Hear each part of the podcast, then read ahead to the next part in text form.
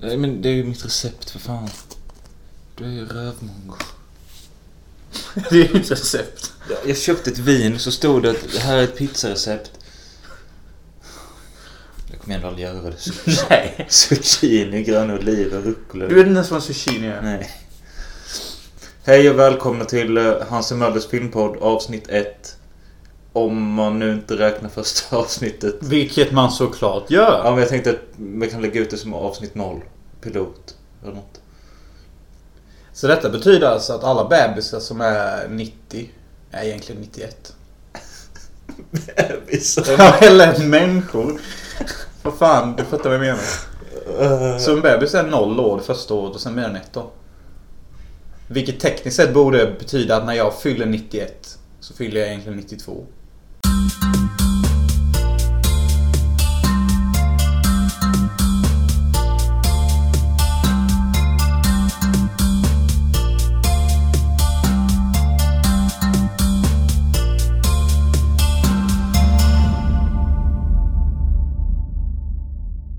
Ja, ja, välkomna till Hans Möllers filmpodd Ja. avsnitt 2. Ja, det får bli avsnitt två. Eller ett. Med 1.5. dagens tema romantiska filmer som sticker ut. Eller romanser i filmer som sticker ut. Vi har ju gett ut det här temat. Men alltså saken är att vi har ju typ ingen film så direkt att gå på tyvärr. Eh, Planen var ju att vi skulle prata om detta generellt. Alltså olika filmer och sen att vi skulle se någon gemensam film. Men på grund av liksom massskit och typ... Jobb. Nej, vi ska inte vara de som skyller ifrån oss. Nej.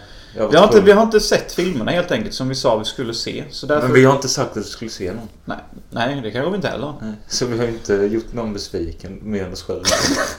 Ja, vi skulle i alla fall se Mozart and the Whale. Det var en av dem och... Eh, den är så gammal så att Josh Hartnett har huvudrollen. Hartnett. Hartnett har huvudrollen. Så då vet ni hur gammal den filmen är. Men vi behöver inte prata om en film som vi inte har sett som vi, skulle se. Nu blev det ett litet konstigt avbrott här av någon anledning. Strömmen gick, förlåt. Ja. Hur har din vecka varit? Min vecka? Ja. Min vecka har varit bra. Jag har gått på filmvisning för jag var med i en, en romansfilm faktiskt. Eh, Jag skådespelade Smooth Rapist kan man säga. Jag är så här typ... eh, Det är ett par kan man säga. Som har ett problem med kärleken. Så de gör den här klassiska att de ska åka ut i en stuga. You know, you know to find the romance again. Men eh, så bor det en sliskig granne. Som visar sig vara rätt snygg och check. Och det är jag. Och så kommer jag förbi och knackar och bara hallå, hallå. Liksom ska studera in mitt rape-offer lite. Och sen i framtida scen så rapar jag henne. För de har bråkat. Så jag kommer in och kapitaliserar på hennes sorg. Och går in så här och bara ah, det ser inte bra ut va? Men måste du berätta hela filmen? Nej, jag rapar henne i alla fall. Ja men jag vill se den. Jo men det, det... När jag säger att jag spelar rapist så måste jag ju rapa någon. Så jag känner inte att jag plott förstör någonting. Men där är ju lite... I den filmen tänkte jag, den som han gjorde. Det var ju ändå en kortfilmsproduktion som en 18-åring gjorde. Men den var väldigt välgjord.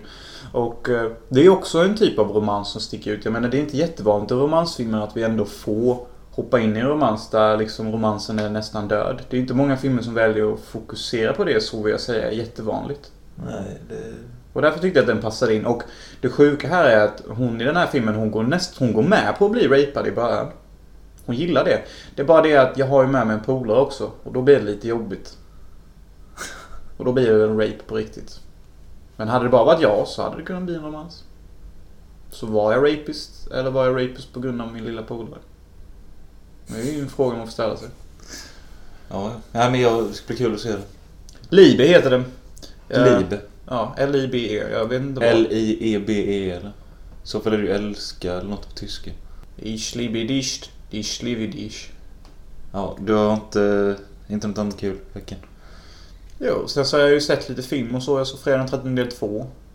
Och eh, Den är bra. den är skitbra. Det var den första fredagen jag såg. Och eh, kanske till och med nästan den första skräckfilmen jag såg. För jag kommer ihåg att det var en av de första DVDerna jag köpte i mitt liv. Det var på den tiden då man kunde eh, ta två för hundra på Maxi och de hade alla gamla goingar. Som typ Pulp Fiction och Fredagen och Nightmare on Elm Street. Nu finns det ingenting förutom typ Frozen och Sug av mig två eller någonting. Men det, ja, det är konstigt för att Det var ju kul att man alltid kunde hitta någon slash eller någon skräck istället. Ja, det fanns alltid någon sån här sjuk liten... Fast man kanske inte ska säga för mycket för jag vet typ att Conjuring och Insidious och sånt finns ju också i såna jävla lådor. Ja, men det var så mycket bättre förr för de hade massa här speciella filmer. Det kunde typ vara liksom... Ja, jag fattar vad du menar. Ja, men typ Chucky och sånt. Det hittar man inte nu bara. Nu är det bara moderniserad skit. Det är liksom ingenting från år... Jag tror inte ens vi kan hitta någonting från år 2010. Det är Nej. ju ganska tidigt. Jo, jag såg Inglourious Basterds på Konsum igår. Den är från 2009 så... Okej då, det går väl. Men liksom ändå. Man kan ju inte hitta något från 80-talet i alla fall. Såvida inte det är tillbaka till framtiden. Nej, nu tänkte jag säga Ghost, men den är från 90 tror jag. 90 exakt. Men Ghost är en episk klassiker och den kommer alltid stanna i mitt hjärta. Det är också, där har vi en udda kärleksfilm till. Ja, det är faktiskt sant. Och det råkar också vara en av mina favoritfilmer. För jag älskar Michael. Michael, det är Patrick, Swayze-. Patrick Swayze. Patrick Swayze. Jag älskar Patrick Swayze och jag älskar hon. Vad heter hon? Demi Moore. Demi Moore. Demi Moore. Jag tycker hon är bäst i Ghost och jag tycker att Patrick Swayze är bäst i Ghost.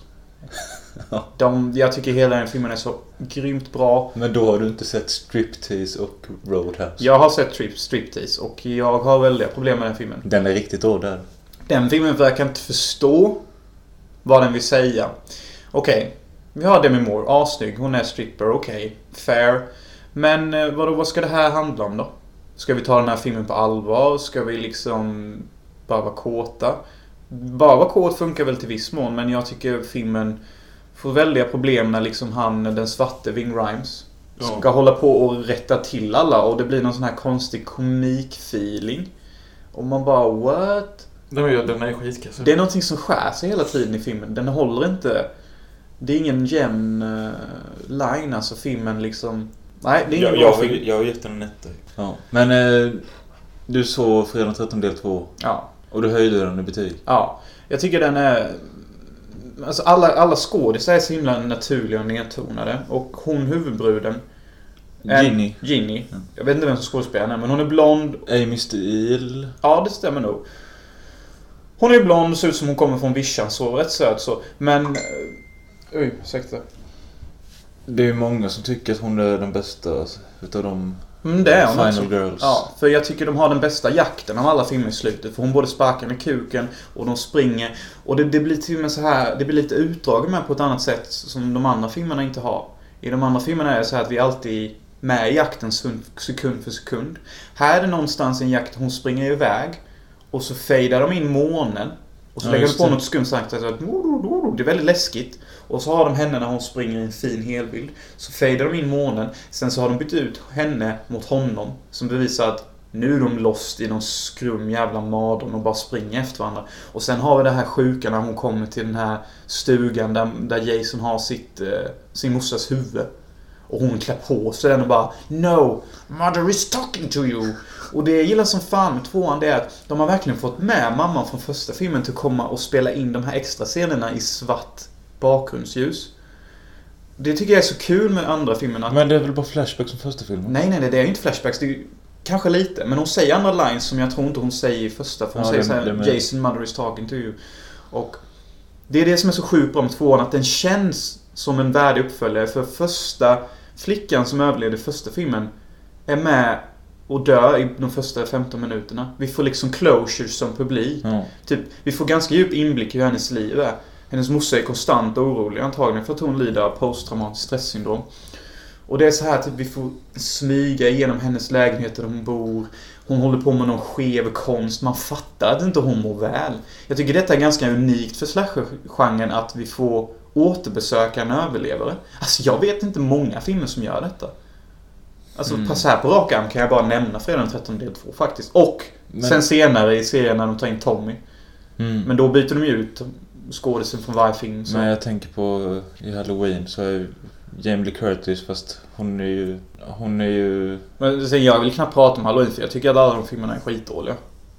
Alltså inte skitdåliga men jag tycker ingen är bra. Det är inget blod. Och, och det är ju alltid filmat rätt taftigt och det, det verkar inte riktigt som om någon är engagerad i någon av filmerna liksom. Ta till exempel eh, del 4 när han blir helt sönderblastad av 100 shotguns. Man liksom bara okej, har någon sett Robocop och tyckt att detta var kul eller? Saken i Robocop när de skjuter sönder den här stackars polisen är att det faktiskt händer någonting när han blir skjuten. Blod, kroppsdelar flyger av och blod sprätts. Fucking Michael Myers står ju bara där som om han vore någon jävla rockstjärna på coke eller någonting. Ja, jag håller med dig. Så sist då när vi såg vi om första filmen. Tillsammans. Ja, ja, ja. Jag tyckte den, alltså jag har alltid gillat den bara för att det var typ den första slashen jag såg. Men, ja det blir ju väldigt speciellt då. men jag, den, den, den är inte bra typ. Den är inte Den bra. har en viss stämning här och där men det är inte... Nej. Men de enda gångerna jag tycker de filmerna är bra och glänser det är när den där... Vad fan heter han? Idiot! Loomis. Louis! Ja, det är bra när han är med. Då är filmen bra. Då glänser den på många sätt mycket, mycket bättre än vad exempelvis Fredag 13 kan göra. Donald Pleasence. Ja, precis. Vi har en tydlig antagonist och en tydlig protagonist eller vad fan allt heter. Vi har liksom motpoler, vi har krig, vi har någonting som gör att det blir spänning i rummet. Två bra skådespelare möts och slåss. Men vi kan prata om Slash i ett annat avsnitt kanske. Det finns mycket att säga. Det finns så mycket att säga. Jag vill, jag vill bara nämna en grej till med Fredag 13 2 är att det är också enda filmen där de vågar gå på djupet med Jasons karaktär. Ta barscenen när Ginny är lite full med sin pojkvän som jag tycker för laga är lite dryg och han den här lille komikern. Hon säger så här att om Jason nu såg sin morsa bli avhuggen. Tänk vad sorgligt liv han måste leva där han lever där ute och allt är så jobbigt för honom. Hon, hon går verkligen in på djupet och det tar hon ju upp i en behind the scenes någon gång. Att det är ju liksom den enda karaktären som någonsin har gjort det om Jason. Och det är just därför jag tycker den får ett extra lager av djup som ingen annan fredan har. Det är att de vågar ha den här scenen där någon faktiskt på allvar försöker bara känna lite hur det kan vara att vara Jason. Visst, vi alla hatar honom och vi ser han dö sen, men det blir liksom ändå så här. Ja, det är fint. Och ingen tar henne på allvar med. De tänker bara 'Someone's fucking drunk' Och jag bara liksom... Hon vill bara att du ska ta henne på allvar någon gång. Jag har inte tänkt på det men det stämmer. Mm. Och hon blir ju arg. För, hon, de, för att han är ju så här, it's a legend. Det som är så jävla kul, när de hittar blod där uppe på trappan, du vet när de- det där mordet. Mm. När de som ligger med varandra, han gör double kill Jason. Ja. Så, så när, när de kommer ner från trappan sen och hon bara, Ginny bara What's going on? Nothing. Det är typ så att han svarar skitsvårt. Och det är typ hela hans grej i filmen. Han är så här att han är lite som den här snuten eller borgmästaren. Typ inget är fel. Barnen måste få bada. Vi måste ha cash. Pointless story, check.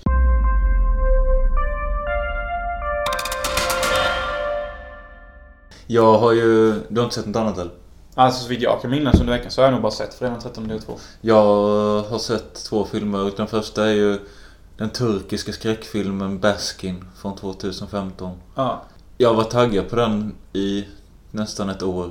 Inte jättetaggad men jag har ändå trott att här kommer det bli något bra. Den... Var eh, den bra då? Alltså jag tycker den ser risig ut.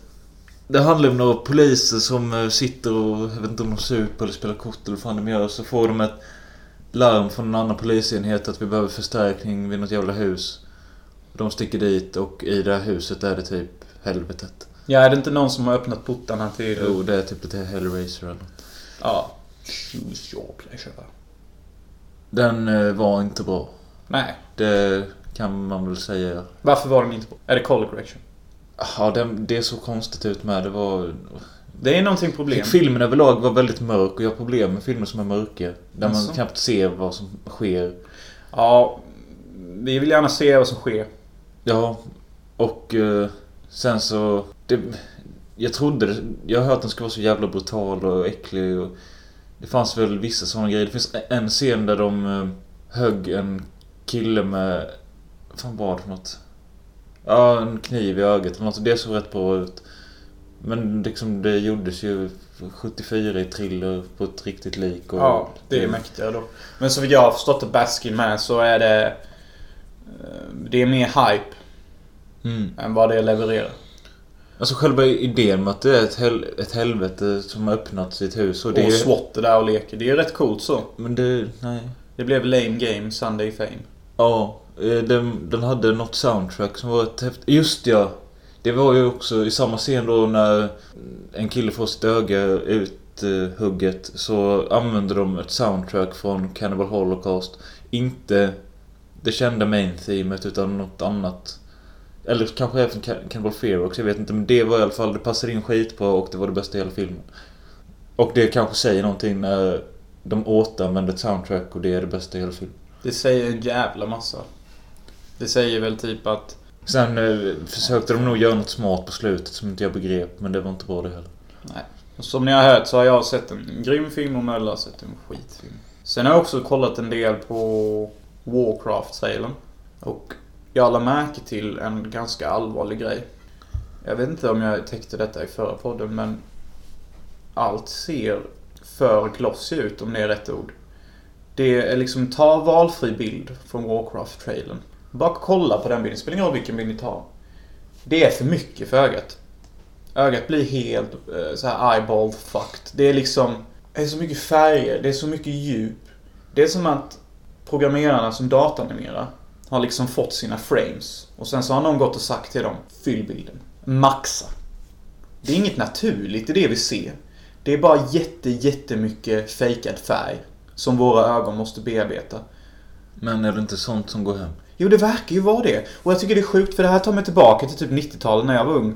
Och, och, och såg filmer. Och då kommer jag ihåg att då var bilderna bättre. Då, då var det så att det fanns eh, områden av ljus och det fanns områden av mörker på ett mycket tydligare sätt. Ögat fick en chans till att liksom navigera sig själv i bilden och hitta det den tyckte om mest. Mm. Nu är det som att alla de här mystikgrejerna är helt utsuddade. Och nu får vi allt. Liksom här har ni en bild. 100% skärpa, 100% färg, 100% ork. Det är bara liksom... Och våra ögon klarar inte att hantera det. Too much. Det är too much. Det, det, det är liksom så här typ bara...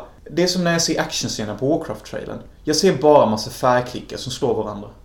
Ja, jag har inte sett den, jag vet inte. Och jag tycker Är, att... alltså, är detta baserat på Warcraft-spelet? Ja. Spelen? För övrigt så kommer ju film, filmen 10 år för sent. För vem fan spelar Warcraft längre? Såvida inte man är aggressiv noob typ. Jag har hört mycket om Warcraft-communityn och den är inte vad den en gång var. Folk skriker och skäller på varandra. Och det handlar inte om att levla längre. Det handlar om att bli level 110 direkt. Man kan till och med köpa sig upp till level 110. Och folk som spelar Warcraft säger att det är jättedålig stämning och alla bara skäller på varandra och de använder bara massa fuskgrejer för att levla fort och ingenting handlar om resan längre. Allt handlar om målet. Jag vet inte vad detta lilla inlägget har med film på Jag vet inte men... eh, vi såg ju precis trailer med till... eh, eller teaser var det väl till eh, Beauty and the Beast. Och det, jag vet inte ens vad vi kan säga med den. Nej men det som går att säga det är att jag visste inte ens om att det, att det var en sån film på väg. Ja, det visste jag. Och du sa att uh, Emma Watson var med i den. Ja, det var därför jag visste. Jag gillar ju henne med så jag skulle kunna tänka mig att se den men efter den här teasern vet jag inte vad jag ska säga. Den sa inte direkt att filmen var dålig men den sa heller ingenting att filmen skulle vara bra. Nej, det var mest en teaser. Jag, jag kan inte direkt gå med på att de kallar den official trailer. Stod är det det? Official trailer 1. Men det är kanske så det funkar nu att först kommer det en official trailer som är 1. Och den är typ så här uppgraderad teaser. Och official trailer 2 är ju en riktig trailer. Ja. Oftast. Jag läste något att, uh, på tal om något helt annat men uh, Ila Roth ska tydligen göra Green Inferno 2. Seriöst. Ja, det kan väl vara kul. Nej, jag vet inte. Du- du jag, gillar det jag första. gillar det första men jag tyckte också typ så här. Alltså, jag har lite svårt för kannibalfilmer. Alltså jag gillar, jag gillar, gillar Roffs filmer för att jag tycker att han verkar vara en ganska smart människa. Jag vet att hans dialoger är väldigt så här inte smart per se. Men bara lyssna lite på vad karaktärerna säger. Typ bara, vi har en kille som sitter och runkar i fånglägret i Green Inferno för att sexuell stimulans lugnar ner och det är bra att lugna ner sig i stressade situationer. Alltså visst, han framstår ju som en douchebag och idiot men alltså det är ändå smart sagt och liksom Det visar ändå på den här eh, Att Eli Roth förstår sig på mörka situationer och vad vissa karaktärer gör. Ja, jag fattar. Och det är så jävla fyndigt med. eh, När de knarkar ner alla eh, in, de här infödingarna med Mm. weed genom att lä- slänga in och brasa. Och så lyckas någon fly men så fångar de honom. Och så börjar de tugga på honom. Och han bara Oh no! They have the munchies! They have the munchies! Och så blir han uppäten. Och jag bara tyckte det var så kul. Och det är så smart skrivet och fiffigt och alltihop. Ja, det var kul. Det var riktigt roligt. Men överlag så tyckte jag filmen var lite sådär. Typ, alltså jag gillar inte Men han ska ju, jag tror, jag vet inte om han ska göra Green Inferno. Jo, innan det, han håller väl på nu med att göra någon, var det en gigantisk haj eller var det, det var något jävla fiskdjur som var... Gigantic shark. Nej men det kanske var, nej det måste vara en haj. Eller det en val? Men fan vill se en skräckfilm med en val? Det måste varit en haj tror jag. Moby Dick. Men den, jag tror fan att den var baserad på någon bok eller något. Moby inte- Dick. Nej för fan. Moby Dick. Ja, jag vet. Moby Dick. Moby Dick. Men eh, ja, du sa ju det med att Niklas eh, Winding Refn Skulle göra en remake på What have they done to Solange Strange? Första då. Solange Strange. Ja. Heter inte det? Nej. What happened to Solange? Ja, något sånt Eller där. ja, vad fan. Whatever happened to Solange? Exakt. Det är en ganska gröntonad giallo. Det är typ det enda jag minns från filmen. Det är, de är massa så här skumma lägenhetsmiljöer och det är mycket dialog. Jag tycker snarare... Jag vet inte om jag tycker det är så mycket av en giallo, snarare mer om det är en polispistache som det kallas. Politiskt. Nej, polispistache eller något sånt kallas det. Politi... Pistache. Pistage. Men den är rätt bra ändå. Det är, det är bra fokus i handlingen och mycket går framåt. Men jag tycker ändå den är seg och den är lite lam. Men det är intressant val att göra en remake på. Jag tror Nicolas Weding Riff, eller vad fan han heter, kan verkligen ge filmen ett litet välbehövt tempo och lite mer blood. Vi Ja, kan ju hoppas på att Neon Demon blir riktigt bra. det tror jag definitivt. Och om det är någon kille som ska syssla med remakes på Giallos så är det ju definitivt han. Mm. För att han... Han kan både det här med dialog och han kan snygga bilder som fan har vi märkt nu på senare tid. Så att Giallo är liksom utmärkt för honom. Alltså... Uh, Giallo bygger ju på att stilen berättar handlingen snarare än att innehållet berättar handlingen. Det är ju det som definierar Giallo. Mm. Mm. Mm. Style is substance. Inte style over substance. If you catch my drift.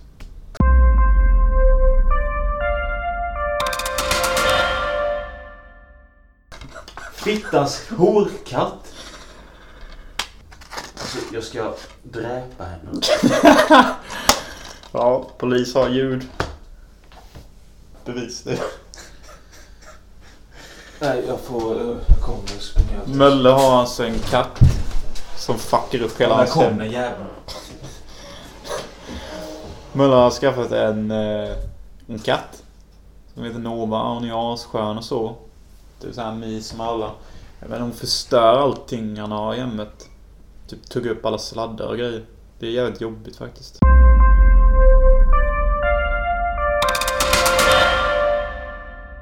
Då sätter vi igång med veckans tema, alltså romantiska filmer som sticker ut. Eller vad sa du? Romanser i filmer. Eller romanser i filmer. Andra gången nu. Sorry, sorry. Amatör. Eh, ja, men eller liksom... eh, det kan vara en action story, men romansen i sig är ganska ovanlig. Så den sticker ut. Ja, precis. Jag tänkte börja med en film jag såg i denna veckan som heter Once Where... Once Where Warriors. Låter konstigt men den... Once were warriors. Ja. Eh, svensk titel Krigarens själ. Jaha. Den har Eh. jag sett. Har du sett den med? Ja, för typ 15 år sedan. Ja, men den är ju väldigt eh, eh, omtyckt verkar det som och det är många som har sett den. Kort handling är tjej och en kille. De är ju... Jag satt och funderade hela filmen tills de sa det själva. De är ju ett folkslag i Nya Zeeland som kallas Mao... Maorirer... Maoire. Ja, något sånt.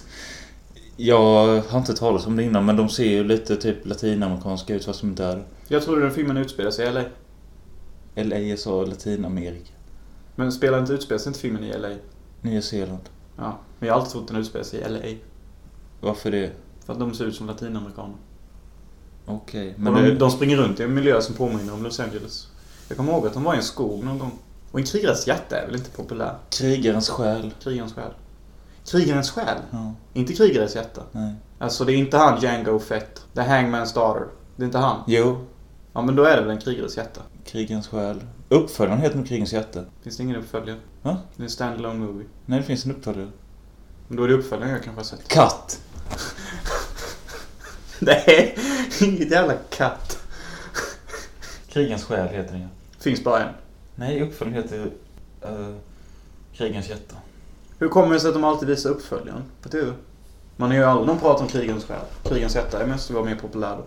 Vi hela stycket. Nej. Varför inte det? Det blir ju...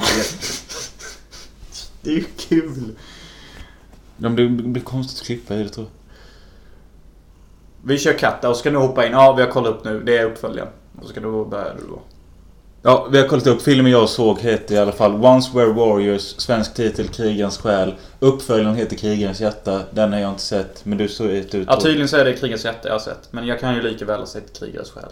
Det vet vi ju inte faktiskt. Jag ju såg ju den för 15 år sedan. Ja, i vilket fall. Krigens själ är från 94 och eh, handlar om en som jag sa, de är maori- maorier. Jag kan inte säga det. De är maya-indianer. M-A-O-R-I-R-E. Nej. Ja. Det är ett ord utan vokaler. Det är därför det är svårt för oss. Ja, men i alla fall det handlar om en kvinna som lever i ett förhållande där hon får spö av sin man. Som kallas Jake the Muss. That's one beautiful love story right there. Och eh, han är ju ett jävla svin. Inte bara mot sin familj utan han är ju... Alltså det han gör, han är på den lokala puben och super med sina polare och eh, där nitar de folk till höger och vänster. Ja. Han går även in på toan och lägger ett sats på toaringen. Alltså kom igen. Nej, det gör han inte.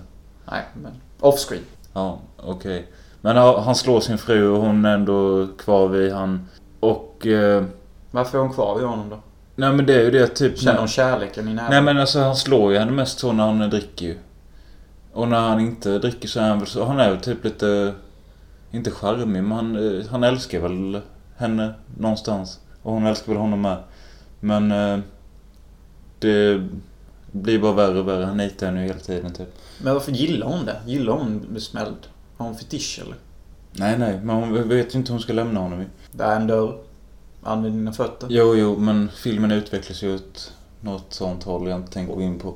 För det sker ju en ganska allvarlig grej. Ja men spoilers, vad händer? Nej, men allt det här våldet eh, leder till att ingen i familjen mår särskilt bra och eh, han har en bror, tror jag det är, farbror säger hon. Ja, det är... Och han som spelar krigens jätte, det är vår alldeles egna Django Fett. Vadå, Jag fattar inte vem Django Fett är. Hangman's Daughter. Du Ja. vet från Dust to Dawn 3. Ja, Boom! ja men heter han Django Fett? Nej! det är ju hans karaktär i Star Wars Episod 2 för fan. Jaha. Ja. Någon är inte nöd. Han heter Tashamura eller något sånt. Tem- Temura någonting. Låter som en faste till typ Lejonkungen. Temuera Morrison. Jag ser om jag kan uttala det. Nej, det kan jag inte. Nej. Men i vilket fall som helst, allt detta våldet och han har en brorsa som förgriper sig på hans dotter. Han går in och ligger med henne när hon sover. Sover hon under hela akten? Nej, alltså hon vaknar ju. Men hon, Vad, vad gör hon då? hon blir ju rädd för att han... eh, Rapar? Ja. Och eh, det leder till att hon hänger sig i trädgården. Hur, eh, hur är det typ? Ja, Hur var det? när han hänger sig. En... Nej, det går inte att prata med dig. Ja men alltså hon hänger sig. Hur är det? Alltså hur, fin- hur är det filmat i det? Nej, hon eh, blir helt knäckt när hon kommer hem och så blir det bara värre och... Eh, hon, man får inte se det, man får bara se när hon hänger där. Fan sjukt.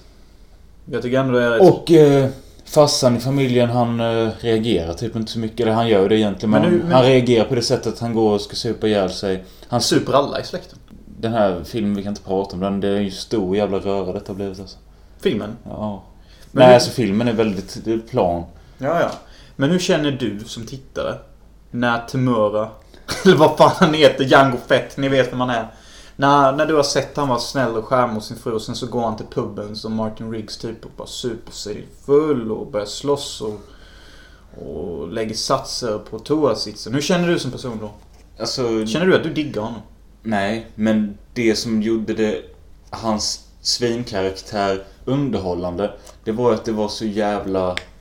Alltså som jag såg det med några polare. De sa att helvete vad rå han är. Och det är jag med. Alltså det är ju bara... Alltså jag kommer bara ihåg honom som ett brunt muskelberg. Ja, han är ju biffig som fan och han slår ju inte lite när han väl slår heller utan det är ju... Men han slår ihjäl någon jävel ute i någon skog någonstans va? Det, Nej. det, det är sånt där... Det kanske är andra filmen. Ja men då är det andra filmen. Det är så jävla sjukt. Jag visste inte att de gjorde två på denna. Ja, jag, vet, inte, jag ska ju se tvåan nu för... det- För- att komma vidare kan jag säga att jag rekommenderar denna filmen faktiskt. Jag tyckte den var jävligt underhållande på något... eh, Ja, alltså man minns ju filmen. Alltså jag såg den bara en gång. Typ 99. Men liksom man kommer ju ändå ihåg Django Fett liksom och... Och de här miljöerna och... Det är ju en ganska sjabbig och risig film. Mm. Och jag tycker inte den har något att säga alls. Det är nästan som en remake på de här 70-talsfilmerna som kom. Där allting bara skulle handla om ingenting. Typ, Det skulle vara så här verkligt och folk söp och typ de snackade talspråk. Det påminner om en sån film. Jag eh, ville att det skulle vara en fyra men jag kunde bara sätta en trea. Mm. Men det, jag skulle kunna se om filmen och... Jag har inte hört så mycket bra om andra filmer men jag vill ändå se dem. Då kommer jag göra det snart. Ja. För det, jag vet att det är samma skådisar och sånt. Jag känner att jag inte kan rekommendera den, för jag kommer ändå ihåg den som Nej, du vet ju det som du har sett den. Jag har sett Krigares hjärta. Jaha, vi pratar om krigens själ. Ja, men det kanske är samma film. har du sett någon mer film i veckan? Nej, det har jag inte men eh, eftersom temat är då... Ja, jag menar romans. Ja. Jag har skrivit upp några exempel här. Okej. Perfect Sense. Tycker Ja. jag passar in. Varför då? För att den... Jag, det var kanske ett, ett dåligt exempel att ta upp, du har knappt minst den. Men jag tyckte att... Eh, Jag minns filmen. jo, men det kanske är så att själva romansen mellan Eva Green och Ev- Evan McGregor är väl kanske ganska plain och normal. Men Ja. den sätts ju i ett sånt... Det sätts i en väldigt annorlunda miljö. Det är så här... Ja, det är situation. Perfect Sense heter filmen. Det handlar om att eh, eh, vår planet... Vi får en, en sjukdom som alla människor får. Och det handlar om att varje sinne stänger av. Liksom successivt ner. Systematiskt. Systematiskt. Först är det liksom doft och lukt. Och sen så är det liksom smak, hörsel. Slutligen blir man blind. Och det handlar typ om att de måste alltid jaga de här, det som gör att de lever. För desto mer sinnen som stängs av, desto mindre kan vi känna. Jag kommer ihåg en scen när Evan McGregor, a.k.a. Obi-Wan, han är både döv och kan knappt se eller någonting och han går så här jättenära en bas bara för att känna vibrationerna. Mm. Det förklarar lite vad filmen går ut på. Och deras romans per se. Jag Men tycker den utvecklas ju under tiden detta bryter Ja, ut för över att hela... båda de två blir liksom drabbade av det här. Det handlar om att hon först, eller så är det han först. Något sinne stängs ner först av dem. De vet väl att de kommer bli av med allt. Ja, de är osäkra. Eva Green som är doktor eller någonting jobbar ju med detta typ och försöker ta igång. Men det som funkar är att Eva Green är ju typ the hardest woman on earth och Obi-Wan är ju Obi-Wan och därför är det liksom en romans värd att se. För att de ser ju så bra ut tillsammans. Mm. Ja, ja, vi borde rekommendera den. Mm, mm. Sen har jag skrivit upp, som jag knappt vill prata om, men Secretary. Det är ju en romans som sticker ut. Faktiskt. Ja, Mycket. och eh, om folk inte vet vad detta är så är det med Maggie Gyllenhaal och James Spader.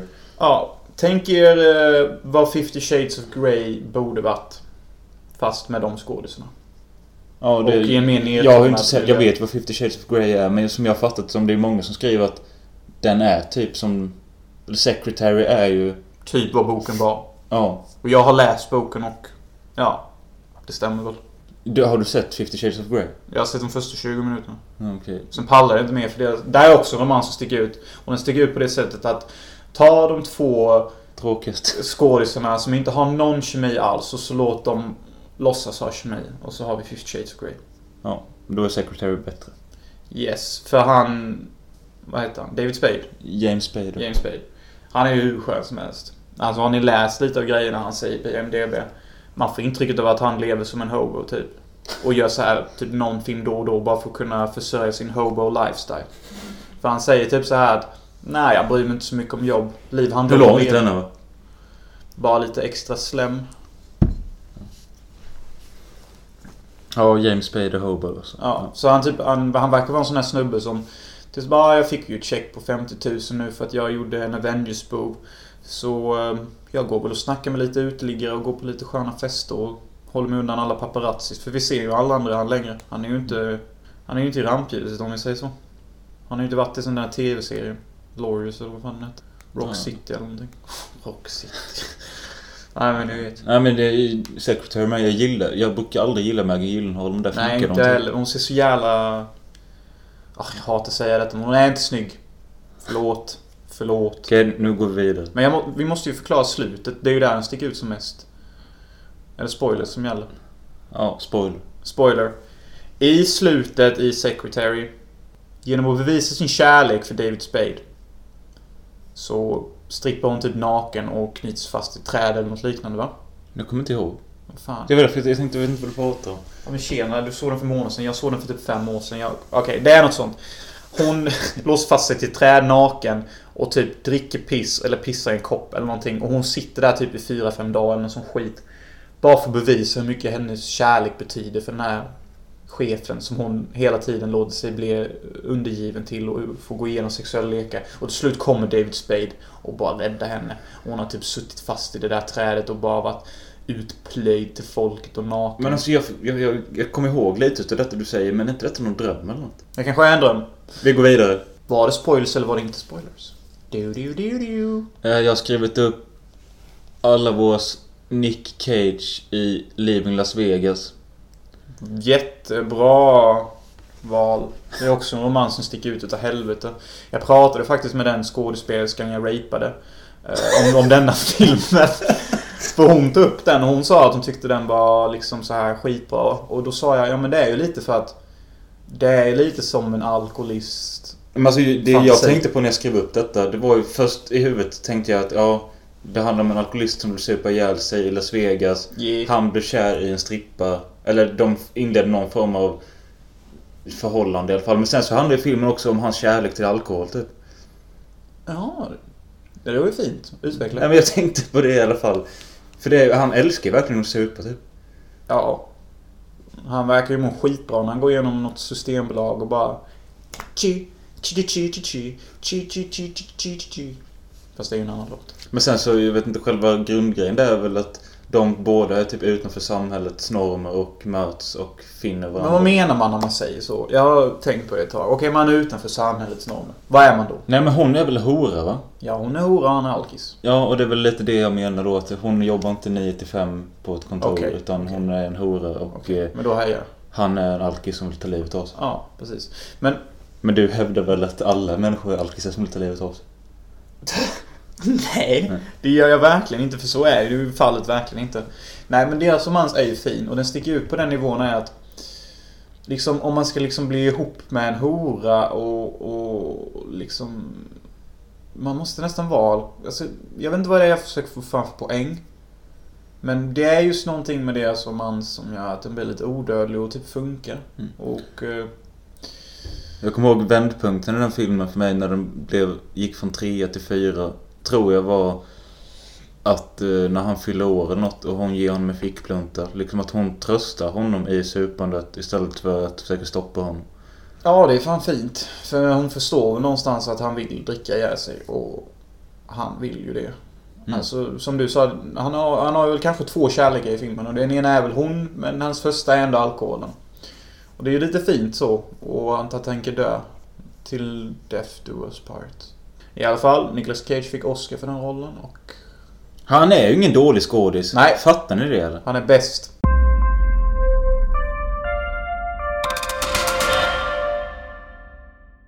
Jag har skrivit upp The Graduate. Vad finns det att säga om den filmen?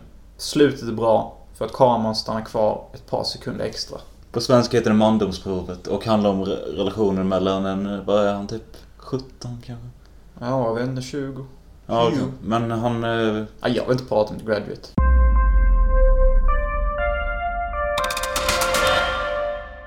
Harold och Maud. Bara så ni vet så jag hatar Harold and Maud och jag har avskytt den ända sedan jag såg den i en filmvetenskapsklass. Jag tycker liksom, är det Harold eller är det Maud? Vem är tanten av dem? Maud. Maud.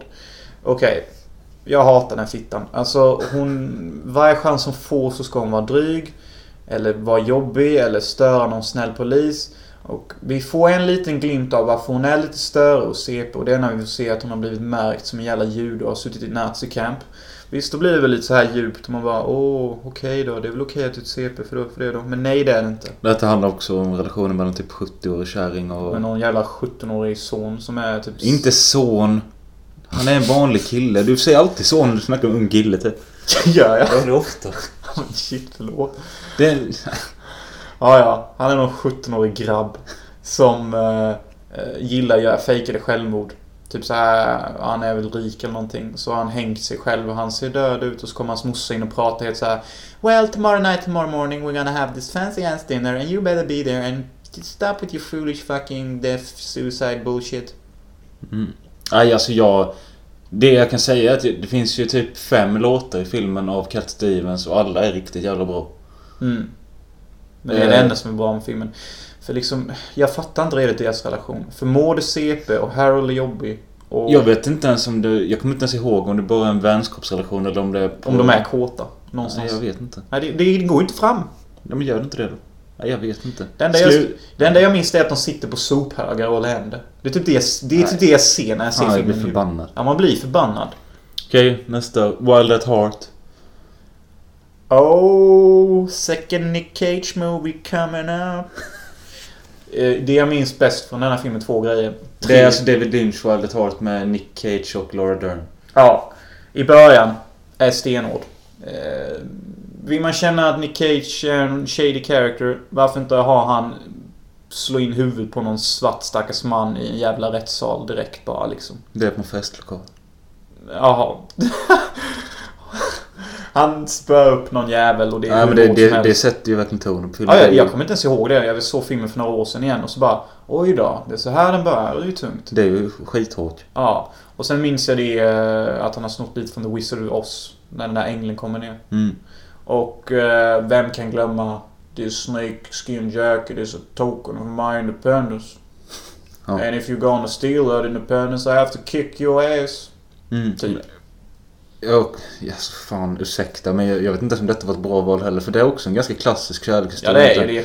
Det är, Det är ju, det är ju snarare mer att estetiken och allting runt omkring är lite ovanligt. Mm. Typ, vi kanske skulle gjort eh, döpt tema till eh, romanser som inte är romantiska komedier. Ja. Det hade ju nästan varit bättre för det förklarar ju typ exakt vad vi menar också. ja men det gäller ju samma nästa här. True Romance. Ja, det är ju, den är ju fan... Går man in på vilken filmsida som helst så kommer säkert Wild at Heart komma som liknande filmer som True Romance. Ja. Fast det är ju typ samma men, film. Ja, kanske lite samma... Ja, nej. De är rätt olika. Sen jag har alltid haft problem med True Romance. Jag tycker den är lite tråkig. Jag tycker typ... Jag... Var det en annan podd de pratade om det eller vad fan var det? Jag hörde något om att... Antingen var det True Romance eller Natalie Born Killers som Tarantino tog bort sitt namn på. För han har ju skrivit både Natalie Born Killers och True Romance men det var någon han inte alls blev nöjd med så... Det måste vara True Romance då. Ja, det. Men hans namn För står det det var- klistrat på den Det var någon utav dem, de skulle vara i... Precis som Pulp Fiction, att det skulle vara i okronologisk ordning typ. Mhm. Det skulle bara liksom vara... Ja, du fattar. Varför gillar Tarantino göra så? Tycker han det blir häftigt eller? Jag fattar inte. Alltså jag fattar inte Tarantino ibland. Ibland känns det som att Tarantino försöker vara mer Tarantino än vad han är. Alltså på något sätt är det ju ett slags konstgrepp att nu berättar vi åt detta hållet och vi Ja, slänger lite scener här och där men egentligen... Det Det, tillför egentligen ingenting. Nej, exakt. Det är det som är mitt problem med Tarantino. Är att han gör alla dessa grejer. Men det är bara för att. Okej, det är inte så här för att en viss punkt ska få mer djup framför den andra. Det är inte så här storytelling in depth.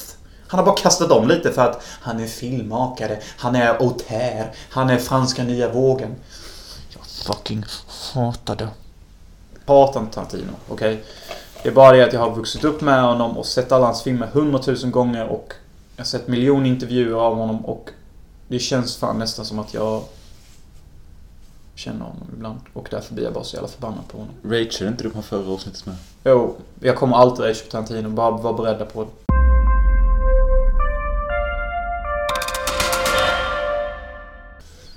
Slutligen Possession då för veckans tema.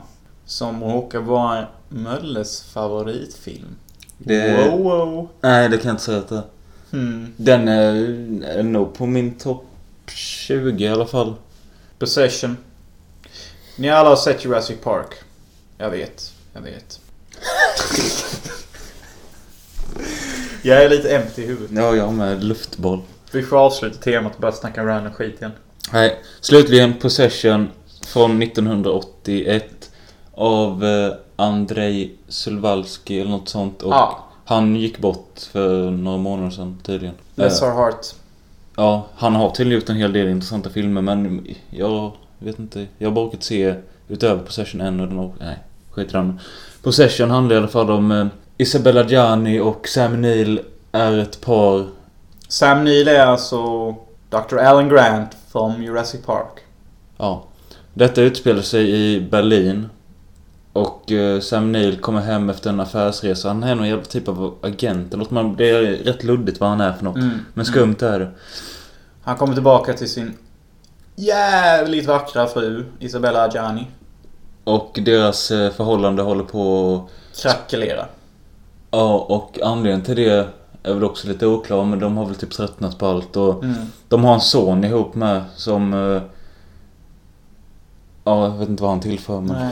Men det jag minns som väldigt bäst från filmen var stilen är... För er som har spelat eh, tidiga 90-talsspel och sånt. Ta Resident Evil 3 och sådana filmer. Ni vet hur det var när det kunde vara två personer som pratade i ett ganska tomt rum och liksom kameran panerade vid sidan så. Det skapade en väldigt sån här typ jag tittar på effekt. Han jobbar mycket med sånt i Possession och jag tyckte det var lustigt att den filmen hade en sån tydlig tv-spel, tv-spels cinematik. Jag vet inte om det bara är jag som är lite konstig här eller om det är faktiskt någonting som ni andra kanske har märkt också. Men jag tyckte det var väldigt speciellt i alla fall. Det står ju på baksidan här. En skräckfilm som skulle kunna vara regisserad av Bergman och Argento tillsammans. Det är kanske där man får fram den här tv-spels cinematikkänslan. För det är ungefär lite så tv-spel ser ut. Som att de är regisserade av de två herrarna du nämnde. Eller vad säger ni? I alla fall, Possession är ju askum. För eh, jag ska berätta varför Possession är askum. Isabella Adjani då. Hon blir CP som fan, på bristen av ett bättre ord. CP. Eh, och man börjar undra så här, okej, vad fan är det med henne? Hon går liksom i ensamma... Nej men det, man kan ju säga så att efter han kommit hem så tar det inte lång tid in i filmen när hon säger att hon vill eh, lämna honom. Ja, hon och vill det gissa. säger de på något ställe där, eh, en restaurang utav någon anledning och där flippar Sam Neill ut och slänger stolar överallt och Ja, det är rätt rått. ja. Men då i alla fall, då är det klart att de ska skiljas. Eh, och då, ja Sam Neill får något utbrott. Han sitter och stirrar och har panikångest, svettas och Han älskar ju henne. Hon är ju tight som fan ju. När kommer han hitta en bättre bud som henne?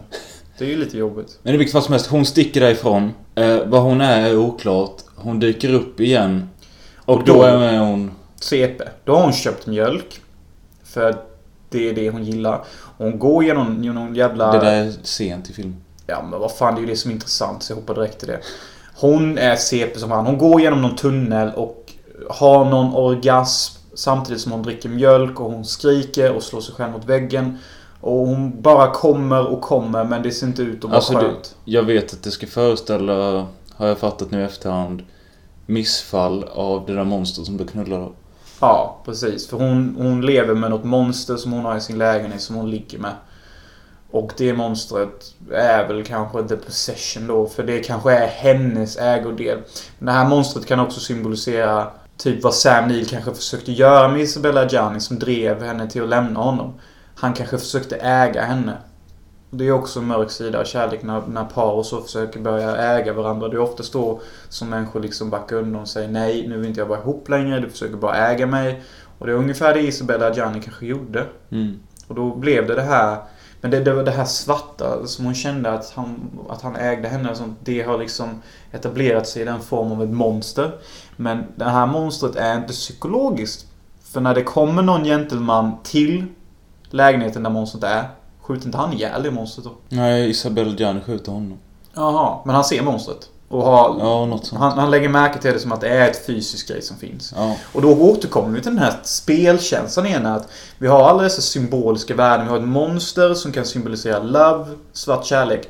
Men monstret är också på riktigt. I, det, i filmen då. Så det blir ju så här typ. Okej, okej. Vi har våra symboler men de är på riktigt. Så boss fight approaching eller? Men det det, är är lite- inte det, det som är ännu skummare med är ju att helt plötsligt en dag när Sam Neill ska lämna sin unge på dagis. Så Då, träffar han en kopia på Isabella Gianni. va? Ja. ja. hon är exakt lika identisk. Fast hon är typ Blond. ljusbrunett eller någonting. Ja, något sånt. Ja. Och Sam Neill är lite så här: What the fuck are you doing here? What the fuck? Och hon, bara Hey, what's the matter? Mm. För hon är ju lärare och för, om jag får säga det så gillar jag ju henne mer än original Ajani. För hon är lite så här mildare och snällare. Men det är det där... Det är där, blir- ja, men det är där huvudet börjar... vet- Knullas. Ja, för sen... Senare i filmen så finns det ytterligare... Det finns en doppelganger av Sam Neill också. Ja. Och det, så det är massa doppelgangers och det är massa symbolik och monstren finns på riktigt. Och det är en sån här jätteskum film att förstå och Den är väldigt... Alltså, hetsig. hetsiga och det skriks och det är överspel som faktiskt funkar. Mm. För Sam Neill har någon konstig granne som alltid är klädd i vitt och tydligen kan karate och... Nej, det är inte... Det är ju någon som... eh, Adjani har varit hos. Ja, precis. Och Sam Neill vill väl gå och puckla upp honom bara för att visa vem som är rättfärdigast plats i hennes hål. Så... Eh, Tydligen så lider han av epilepsi också den här vita herren. För han får något jävla ryck någon gång och börjar slå i massa toastolar. Och man bara okej. Okay. Så hela den här filmen känns ju nästan som ett enda långt infallsfilm. Typ bara så här. Det skulle inte förvåna mig om alla skådisar någon gång under produktionen gick fram till regissören och sa typ Får jag göra så här? Snälla, får jag göra detta? Jag vill bara dampa lite. Får jag göra detta? Och han bara sa ja hela tiden. Men jag skulle tro att det är tvärtom. Regissören sa åt dem att göra allt detta vid bestämda tillfällen. Det är mycket som har snackats om att Adjani fick typ läggas in och sånt efteråt Ja, det var lite jobbigt för henne. Det var ju synd. Sam Neill diggade nog det som fan. Gjorde han inte det? Sam Neill älskar sån här skit. Ja, men det är rätt konstigt. Alltså detta är nog det skummaste han har gjort. Sen blev det ju liksom... Men han har gjort lite såhär små konstig skräck och sånt. Jag menar, han gjorde ju Omen 3. Ja, just det. Inte för att jag har sett den, jag vet bara att han är med i den. Mm. Och sånt och... Och, och, och, vi alla känner ju igen honom som The Jurassic Park guy liksom. Men det... Jag kan rekommendera Possession men den är ju... Den är ju jävligt skev. Och skum och det finns så mycket att läsa in. Men ändå så är allt så jävla ytligt för allting som vi ser och händer händer ju också på riktigt. Så det, det, det är också det här. Det, det, är symboliskt men det händer faktiskt på riktigt. Det så så det, det blir liksom så att vi kan inte ta någon lärdom från det. För det är ju på riktigt. Kolla här, när man har symbolik i film och sånt då, då, då får man ta lärdom av filmen. Men så fort det börjar bli på riktigt då blir det så här att ja men monstret var ju på riktigt. Det var ingen läxa eller? Och det är därför jag tycker Possession slår sig igenom som en väldigt bra och unik film. Är att de liksom vänder på steken på det här och gör det liksom hyper reality symbolism typ nästan. Skulle man kunna säga. Mm. Jag har ju sett den två och en halv gång. Ja, jag har bara sett den en gång men jag minns ju ändå den Ja men det är det jag säger. Så jag kan inte ens återberätta så mycket som du kan. Jag jag, jag, man kommer in i den. Det går att följa med typ en halvtimme. Sen så blir det bara... Jag tror man försöker grunna för mycket. Det är lika, typ lite likadant som Mulholland Drive. Att man ska nog inte försöka förstå så jävla mycket. Mm, men det som skiljer Mulholland Drive och Possession åt är att Mulholland Drive har lite... Jag kan tycka Lynch blir så här ibland typ att... Ah, nu kom den punkten i filmen. Där allting bara blir så jävla jobbigt. Typ, det går inte att hänga med i filmen längre. Man, måste, man, man fattar ungefär. Typ man har sett en timme in på en David Lynch-film. En timme in så bara, ah nu kom det klippet. Nu måste jag se om den här filmen fem gånger och läsa på som fan innan jag fattar filmen. Det gillar inte riktigt jag. Jag tycker det är jobbigt när Lynch gör så, för jag tycker det är onödigt. Possession har samma känsla, men den har inte det här, ah, nu måste jag se filmen fem gånger och läsa på hundra gånger om för att filmen Nej. bara gjorde något ologiskt. Eh, Den går ju att se fast man inte fattar. Ja, precis. Det är liksom inte så här att någonting konstigt händer. Nej. Om vi ska snacka filmens universum. Men det gör ju David Lynch filmer typ hela tiden. Så man bara blir så jävla förbannad. Du ragear aldrig också. Ja, men det är ju för att jag bara vill gå fram till dem och säga att ni sitter på jättefina bilder och klipp här. Måste ni göra så här? Kan ni inte bara göra så här? Jag känner att jag hade kunnat vara den bästa regiassistenten till, till alla stora. För jag jag känner ibland att jag känner deras filmer bättre än vad de vet själva. Och de kanske säger massa sådana här grejer. Typ att Well, it's about the story and if we change that picture here to there then it won't mean this shit. And I'm like, eh.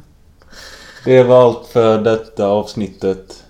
Ja, det var allt av detta avsnitt från Hans Möller Filmpodd. Uh, Ni kan uh, gå in och gilla oss på Hansen slash Möller på Facebook. Skicka ett mail på hansenmoller om ni vill. Uh, nästa avsnitt kommer vi nog prata om slashers. Ja, vi kommer prata om slashers. För jag har, som sagt, jag såg ju Fredag den 13 del 2 i veckan och ah, jag tyckte den var så grym. Så uh, jag ska, jag lånar 8 nu och ska se den. Är inte det sjukt grabbar? Jag ska se Fredag den 13 del 8. Jason intar Manhattan. Vi kommer inte bara prata om fredag, vi kommer blanda och ge lite. Ja, Chucky, Nightmare on Elm Street, allt. Ja. Och jag har sett allt, Mölle med. så vi kan vara good. Tack och hej. Leverpastej. Thank you.